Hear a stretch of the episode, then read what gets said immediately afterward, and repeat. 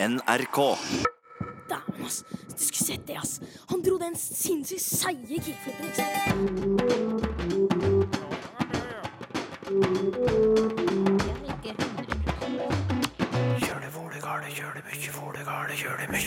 Språkteigen byr på en egen novembermiks i dag med et gjenhør av utvalgte saker.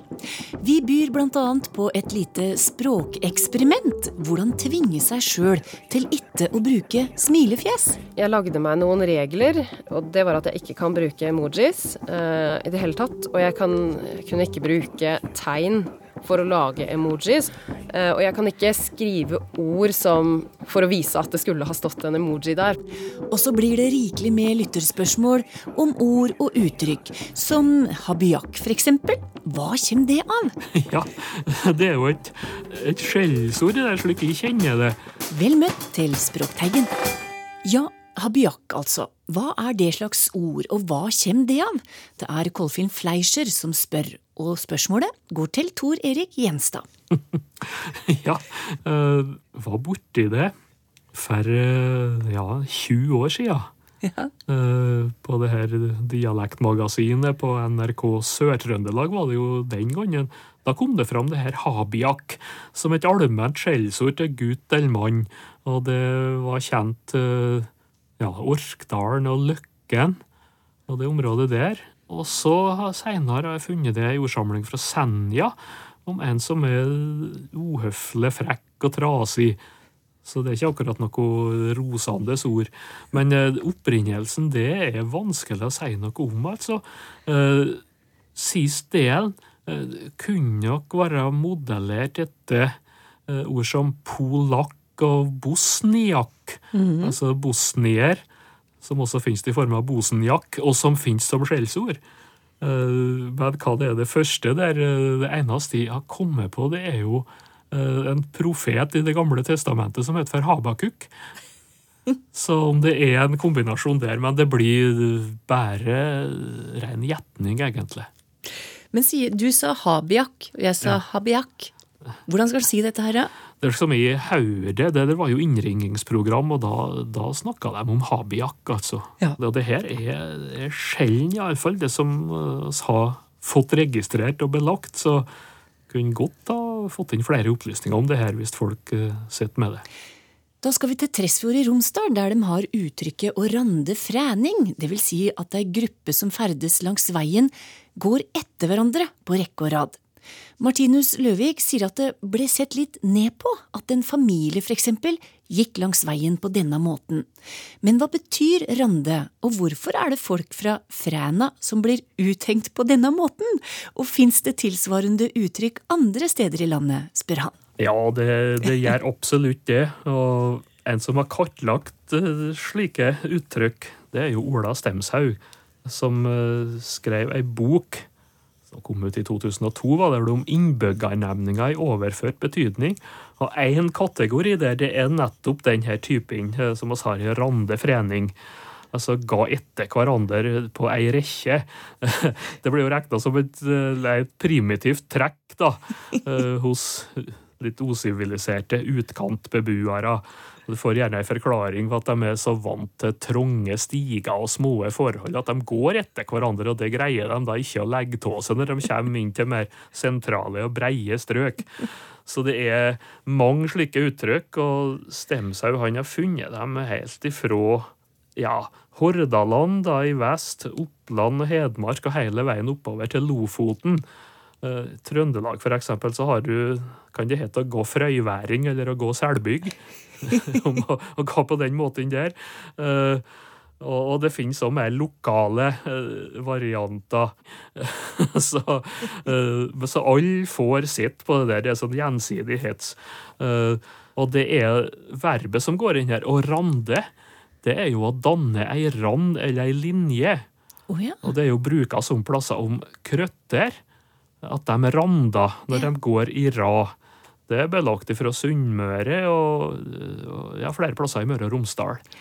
Tor Erik Gjenstad svarte på dialektspørsmål. Georg Kjøll er nestemann ut til å svare på lytterspørsmål, og det er Sverre av Brenden som spør. Hva er opphavet til uttrykket 'skjegget i postkassa'? Ja, Det er et godt spørsmål. Det er et uttrykk som eh, nok dukket opp i Norge og Skandinavia generelt sånn rundt andre verdenskrig, mest sannsynlig. Vi finner det i uh, Ulf Gleditsch sin slangordbok fra 1952, hvor det står listet som rett og slett bare en tabbe. Men hvor det har kommet fra hvem som brukte det først, og hva som er, hva som er første stedet hvor noen fant, fant, ut at dette var en god måte å beskrive ting som ikke går helt etter planen på, det, det, er usikkert. Det kan være en sammenblanding mellom andre uttrykk som har med hår å gjøre, og Eh, det er en teori som sier at eh, det skal være inspirert av et eh, sagn om Holger Danske, som sitter på Kronborg slott og venter på å frelse sitt fredre, fedreland når fienden truer. Oh. ja, her har han sittet så lenge at skjegget er grodd fast til bordplaten. Så da kunne man få en talemåte som var ja, sitte med skjegget i bordskuffen eller noe lignende, så kan det ha blitt i postkassa. Men det er, det er ganske usikkert. Det vi vet om uttrykket, er at det er veldig visuelt og veldig slående. Og det har en sånn humoristisk eh, side som, som nok gjorde at eh, det spredte seg fort. Både, eh, ja, både i, i, Danmark, men også ut av landet, hvis det var, hvis det var sånn at det var der det oppsto først. Mm. Hvor finner vi det igjen, da, i tidlig bruk? Ja, det har jo som slangord flest fått befestet seg i, i muntlige sammenhenger. Så blant man kan tippe grupper av ungdommer eller eh, andre, andre subgrupper hvor man eh, etablerer sånne vokabular, og hvor språkutvikling går en del fortere enn det gjør eh, i språket som helhet. Mm.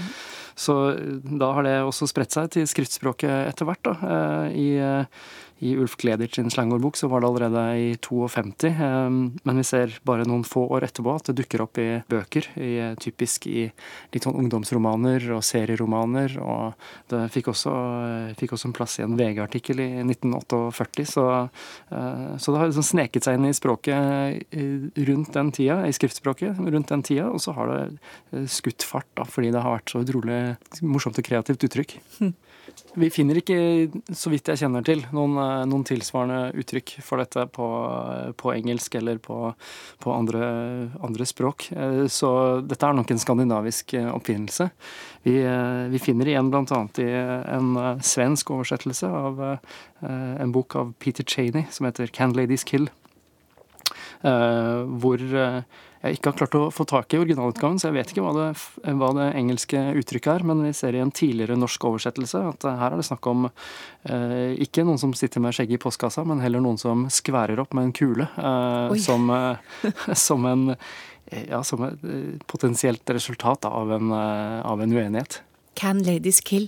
Can ladies kill. Eh, I svensk utgave så har den ja, så ble den hetende i 1959 eh, eh, 'Beska piller, Mr. Caution'. Eh, så den har, fått, den har spredt seg litt i litt ulike varianter. Men det, dette er da om denne detektiven som, eh, som Cheney skrev om, eh, som heter Caution. Eh, ja, og her var det lov å ta seg noen, noen, friheter, for det måtte man jo med innholdet i boken også, med tanke på at det var ganske, ganske slang, si, slangbefestet. Mm.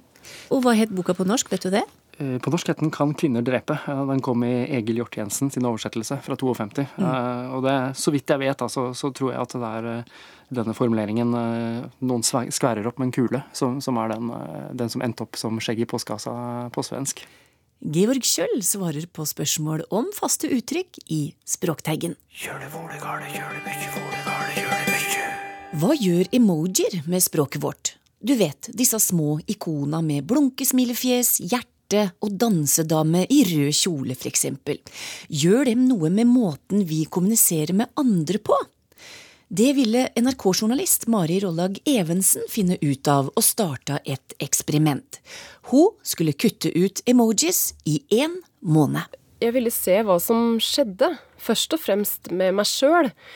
Ofte som Hvis ting blei litt uh, vanskelig å forklare, eller jeg hadde litt dårlig tid, så Eh, kunne tommelen min bevege seg nedover Ja, nå husker jeg jo nesten ikke hvor det er på telefonen engang, men der hvor, der hvor man finner emojiene. Til venstre. Og, nede til venstre. Ja. Mm. Eh, og, og, og, og, finne svaret der, sånn fort. Og det var så lett, og det var så raskt, og det var så greit. Og jeg begynte å tenke på hva gjør dette at jeg, at jeg mister noe? Gjør det at jeg mister kunnskap jeg hadde? Eh, gjør at jeg mister evnen til å uttrykke ting som jeg klarte å uttrykke med ord før?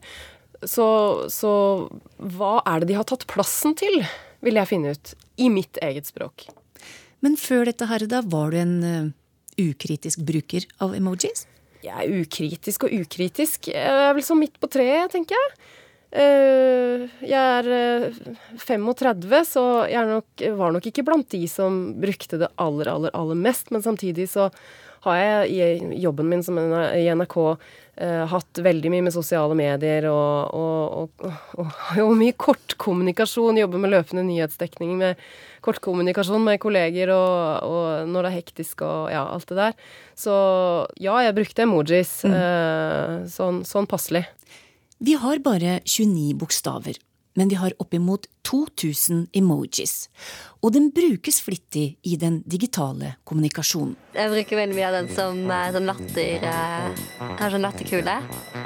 Eh, og så med hjertene som øyne. Oi, eh, jeg bruker den sola mye. Og de der jentene som er sånn, gjør forskjellige ting. De, det blir mye morsommere. Så kan de tolke emojiene på sin egen måte. Jeg bruker hjertet en del, faktisk. Men uh, ellers så smilefjes. Bruker du emojis? Nei. Vet du hva det er for noe? Ja. Hvorfor bruker du ikke emojis? Ikke noe poeng. Jeg liker kun klar tekst. Så var jeg ikke helt alene, men meg og han vi nettopp hørte, blir færre og færre. Vi bruker nemlig ikke emojis, disse små bildebeskjedene som totalt har utkonkurrert det gamle smilefjeset med kolon, bindestrek og parentes. Én av tre meldinger på Twitter inneholder nå emojis, og trenden øker, heter det i en slovensk studie som har tatt for seg 17 millioner internasjonale tweets. Men jeg som ikke bruker det, lurer på en ting. Skjønner folk hva hverandre mener, eller skriver de bare masse tullebeskjeder til hverandre? Kanskje i hvert fall de på vår alder, men jeg merker sånn Mamma i hvert fall bruker emoji på Snapchat, og bruker det kanskje litt annerledes enn det jeg gjør blir brukt, så kanskje de kan misforstå litt, da. Nei, men, men de ser jo hva det er, så de, de er selvforklarende, de fleste jeg bruker. Reporter Daniel Eriksen hadde spurt om folks bruk av emojis. Og hva denne bruken gjør med språket, er det delte meninger om. Noen mener at språket blir fattigere. Folk blir jo ikke gode i språk hvis de ikke bruker språket aktivt og øver seg på å si ting som de vil formidle med språket. Men det syns jeg jo folk gjør mindre og mindre, for nå kommuniserer de med hjelp av smilefjes i stedet, og da får de jo ikke øvd seg på det. Jeg syns at folk skal gidde å ta seg den tida det er, og bruke språket, og bruke språket ordentlig. Det sier skribent og politisk rådgiver Guri Idsø Viken. Hun kaller disse ikona for språkets kjønnssjukdom. Men professor emeritus i lingvistikk ved Universitetet i Oslo, Rolf Teil, mener de beriker språket. Når, hvis jeg hadde stått ansikt til ansikt overfor dere, så hadde jeg smilt. Jeg hadde gestikulert med armene. Jeg hadde, hadde, hørt at jeg hadde spesielt tonefall. Og så kommer orda. Og alt det der, det er sånn, det er kommunikasjon. Når vi da skriver, så er det da blir nesten alt borte, bortsett fra sjølve orda. Og når vi da kan få det her tillegget av emojis eller emoticon, eller hva du skal kalle det, så syns jeg det beriker kommunikasjon for meg. Jeg oppfatter meg sjøl som en relativt leken person, og syns at det her er rett og slett ganske moro. Og syns jeg kan få sagt veldig mye ekstra ved hjelp av dette her, da. Klippa du hørte er henta fra Ukeslutt tidligere i år. Språkrådet sier tja vi har svart høflig nei takk til språkengasjerte nordmenn som vil at vi skal forby det, sier språkdirektør Åse Vetås til NRK. Men på den annen side, hun ville aldri gjort som språkkollega i Oxford Dictionaries gjorde i 2015. Da ble gledeståre-emojien kåra til årets ord. Alt er et spørsmål om tid, sted og sjanger, sier Vetås. Mari Rollag Evensen var altså usikker, og bestemte seg for å slutte. Og da inngikk du en kontrakt med deg sjøl, og hva besto den av? Jeg lagde meg noen regler, og det var at jeg ikke kan bruke emojis uh, i det hele tatt. Og jeg kan, kunne ikke bruke tegn for å lage emojis. Uh, og jeg kan ikke skrive ord som Altså for å vise at det skulle ha stått en emoji der. For eksempel eh, som en kollega skrev til meg, smilebl- smileblunkefjes. Ja. Uh, det var ikke lov. Og jeg, jeg tenkte også at jeg kan ikke fortelle noen at jeg gjør det, for da blir det enklere. Og jeg ville jo ikke gjøre det enkelt. Hvordan var dag én? Dag én gikk kjempedårlig. Eh, da hadde jeg glemt hele greia. Altså, det, det sies jo at en aldri skal slutte med noe på en mandag, men det var altså en mandag jeg hadde valgt meg ut. Eh, men jeg tenkte på dette på søndag, men da jeg våkna på mandag, så, så hadde jeg glemt hele greia. Og jeg brukte emojis overalt. Mm, så det gikk fryktelig dårlig. Gikk ekstremt dårlig. Men hvordan gikk det etter hvert, da? Etter hvert så merka jeg jo at jeg fant eh, fram igjen noen ting som jeg ikke hadde gjort på noen år. Eh, for eksempel så, så kom jeg på eh, Da jeg var student, så holdt vi på med eh, Vi chatta på MSN. Og, og da, da var det jo sånn, da brukte vi det var vel smilefjes da, men vi brukte også mye store bokstaver. Vi brukte mye parentes. Og skrev ha-ha og he-he og Supert flott avtale eh, for å Altså i, i de situasjonene hvor jeg bare kanskje trykker tommelen i dag. Og, og litt sånn småting. Prikk, prikk, prikk, ikke minst. Det brukte jeg en del, en del før. Eh, og så, altså, hvis jeg blar helt tilbake til da jeg var liten og hadde brevvenner, så var jo det der å sette prikk, prikk, prikk bak noe, det var jo en sånn Det var en sånn greie man gjorde. Tror du noen ble sure for at du ikke svarte med smilefjes, f.eks.? Jeg veit jo ikke om noen kan ha følt seg litt støtt eller ment at jeg var litt mer kontant eh, enn vanlig, eller noe sånt. For var det en frykt? Ja, det var det absolutt. Og akkurat den følelsen er det flere som kjenner seg igjen i. Nei, Det kan jo fort oppfattes som bare arrogant og kanskje litt surt. Jeg vet ikke. Og så ser det jo ut som jeg er kortfatta og sarkastisk, eh, når, når jeg egentlig skulle vært sprudlende, som jeg jo er. Et smilefjes kan være så mangt. Et naturlig tillegg i ei melding, eller en litt påtvungen måte å unngå misforståinger på. Jeg har alltid vært veldig opptatt av, eh, av korrekt språk, at jeg skal bruke det sånn som vi lærte det på skolen. Men eh, nå er det jo slik at når selv sjefene kommuniserer med smilefjes, så føler jeg meg litt surmaga om jeg ikke gir en tilbake. Nettopp derfor mener språkviter Jan Olav Fretland at det i noen miljø nesten har blitt en regel å bruke dem. Og i en undersøking blant høgskolestudenter fant Fretland ut at det å ikke bruke smilefjes betyr noe i seg sjøl. Hvis du ikke henger på en, eh, et eller annet form for smilefjes, så kan mottakeren lure på om du er uh, sur på dem. Så, så der er det altså rett og slett en del av etiketten, så å si. Jeg prøvde å stå imot ganske lenge, men nå har jeg gitt etter. Jeg er redd for å bli misforstått. Kristalin Indrehus gjorde denne saken for ei tid tilbake.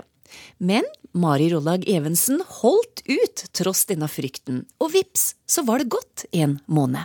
Bare plutselig så var det sånn Oi sann, der var det gått en måned, ja. Eh, og så hadde det jo Altså det i kombinasjon med at jeg hadde begynt å si knall og supert og avtale og prikk, prikk, prikk og utropstegn og litt store bokstaver hist og her, så, så tenkte jeg nei, men dette går så bra. Jeg kan ikke slutte nå. Så hun fortsatte i nok en måned. Så skulle eksperimentet bli en nettartikkel, og som en del av det måtte avsløre hva hun hadde holdt på med. Hadde venner og familie merka noe? Nei, det er jo Det var jo, det var jo egentlig ganske skuffende. Oh. Fordi at underveis så, så var det aldri noen som sa noen ting. Ikke de som var langt unna meg, og ikke de som var nær meg. Ingen spurte noensinne. Og da jeg avslørte det, så eh, Så var det egentlig ingen som, som reagerte noe særlig. Så, så tenkte jeg at eh, ja ja, da betyr det jo ikke noe, da.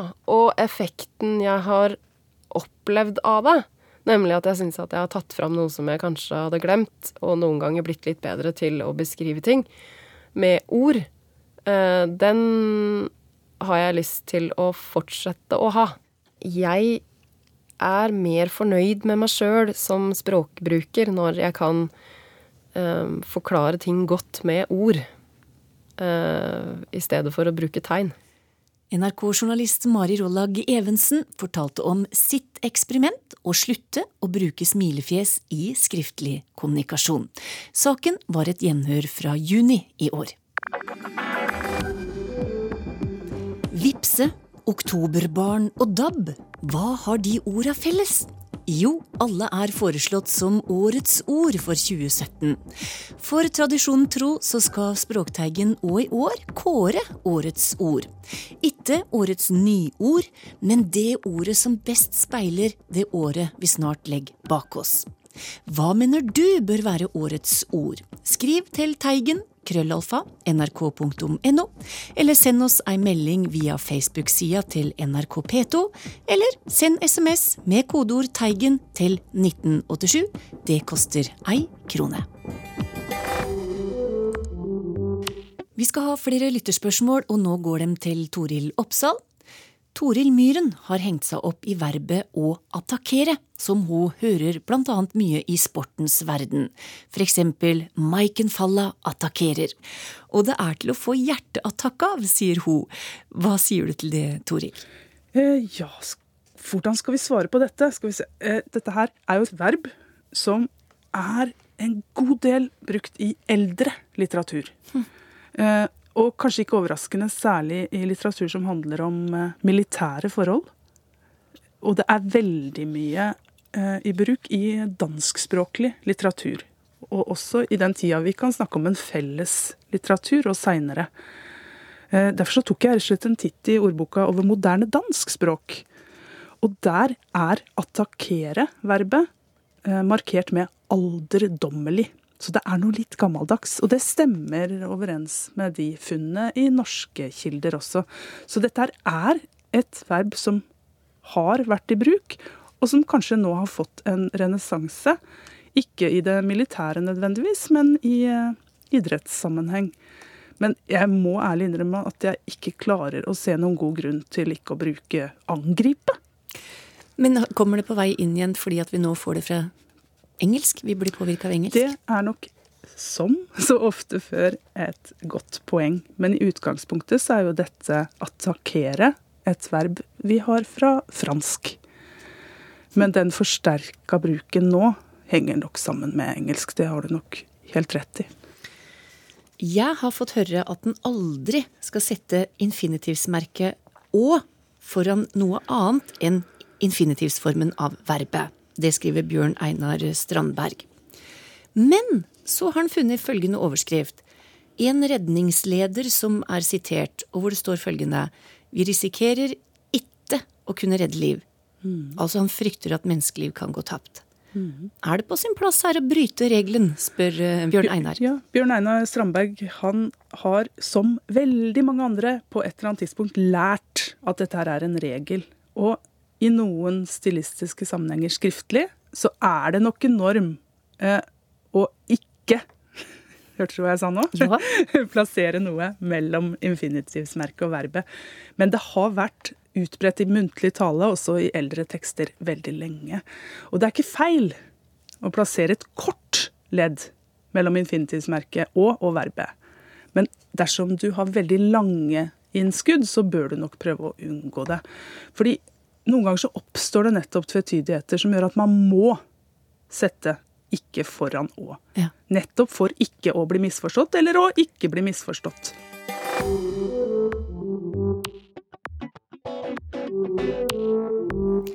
Fra Toril Oppsal så går vi videre til Sylfest Lomheim og et spørsmål fra Marie Bordi. Hun spør kort og greit hvorfor heter det gulrot når den er oransje? Ja, for det er våre gulrøtter, stort sett. De er av oransje farge. Ikke røde og ikke gule, men midt imellom. Ja. Så vi sier gulrot likevel. Hva sier det på engelsk? Carrots. Hva sier det på fransk? Karott. Og hva sier det på tysk? Karotte. Så vi ser at nedover på kontinentet så har de et helt annet ord. Men i det tyske språkområdet, der er det flere ord, historisk sett, som, blir, som har vært brukt. Og eit av de orda er gelbe rybe, og det betyr ei gul rot. Hm. Så der har vi det. Og i sveitsisk tysk var dette lenge ganske enerående som ord gelbe rybe. Så eh, da kan vi bare legge det til sides at dette er liksom noe norsk eller noe skandinavisk tull. At vi begynte å kalle dette ei gulrot når den egentlig er oransje. Det kan vi bare legge fra oss som, som holdning. Det er ikke slik det henger i hop. Så hvordan er det? Jo, dette er en rotvekst, og for 2000 år siden så var den vanlig, blant annet i Romerriket og i Roma, og da var den hvit, eller uten farge. For den vokser jo nede i jorda, og da er det ikke så rart at den ikke har noe særlig fargestoff i seg. Den var bleik eller hvit. Men så, på ja, 1100-1200-tallet, så vart det importert samme type rotvekst fra Afghanistan, altså langt østifrå, og de veksla mellom to farger. Fiolett, altså litt blåaktig, og gul. Og den var jo mykje brukt, og det var den gule som da var mest i, i bruk, blant annet i Tyskland og Sveits og så videre, så derfor er det ikke rart at den vart kalla den gule rota. Men vi veit jo at eh, i Nederland så hadde de eh, kongen av Oranien, altså Oranien, og det er oransje. Eh, derfor er oransje en nederlandsk nasjonalfarge. Og det skjedde i Nederland rundt 1600, tror jeg det var, at de greide å krysse så de fikk til en rotkrysning. Og det betyr at det var gult og fiolett som da vart kryssa, men det gule har nok vært såpass dominant. Men iallfall fargen på den nye kryssa rotveksten vart en rotvekst med fargen oransje. Og så, etter en stund, så har det jo i Europa blitt slik, som jo alle kan slå fast nå, at det er den nye kryssa rotveksten med oransje farge som har blitt dominerende over hele Europa. Det er det vi et, stort sett. Men når vi stadig vekk, litt i tysk og også i skandinavisk fordi vi har fått det fra tysk ordbruk, at vi da stadig snakker om gul rot, altså gelbe rybe, så er det en rest ifra den som faktisk dominerte før de greide å krysse disse rotvekstene og få fram den oransje fargen. Sylfest Lomheim fikk svare på det siste lyttespørsmålet i dag, og med det er Språkteigen slutt. Send gjerne flere spørsmål til oss. Bruk e-post teigen krøllalfa nrk.no, eller gå inn på NRK P2 sin Facebook-side, eller bruk Twitter. Ha det bra!